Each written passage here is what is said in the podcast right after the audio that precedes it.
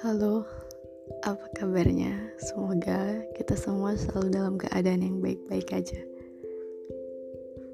Aku yakin gak cuman aku di dunia ini yang selalu punya pemikiran random hampir setiap waktu, baik di jalan, di kampus, di lingkungan baru, atau di mana aja gitu kayak ada aja hal yang datang. Tapi kalau mau dibicarain itu kayak duh random amat gitu. Siapa juga yang mau denger? Bodo amat sih. Dan aku yakin setiap hal itu ada tempatnya. Dan tempatnya itu bukan cuma di pikiran kita doang.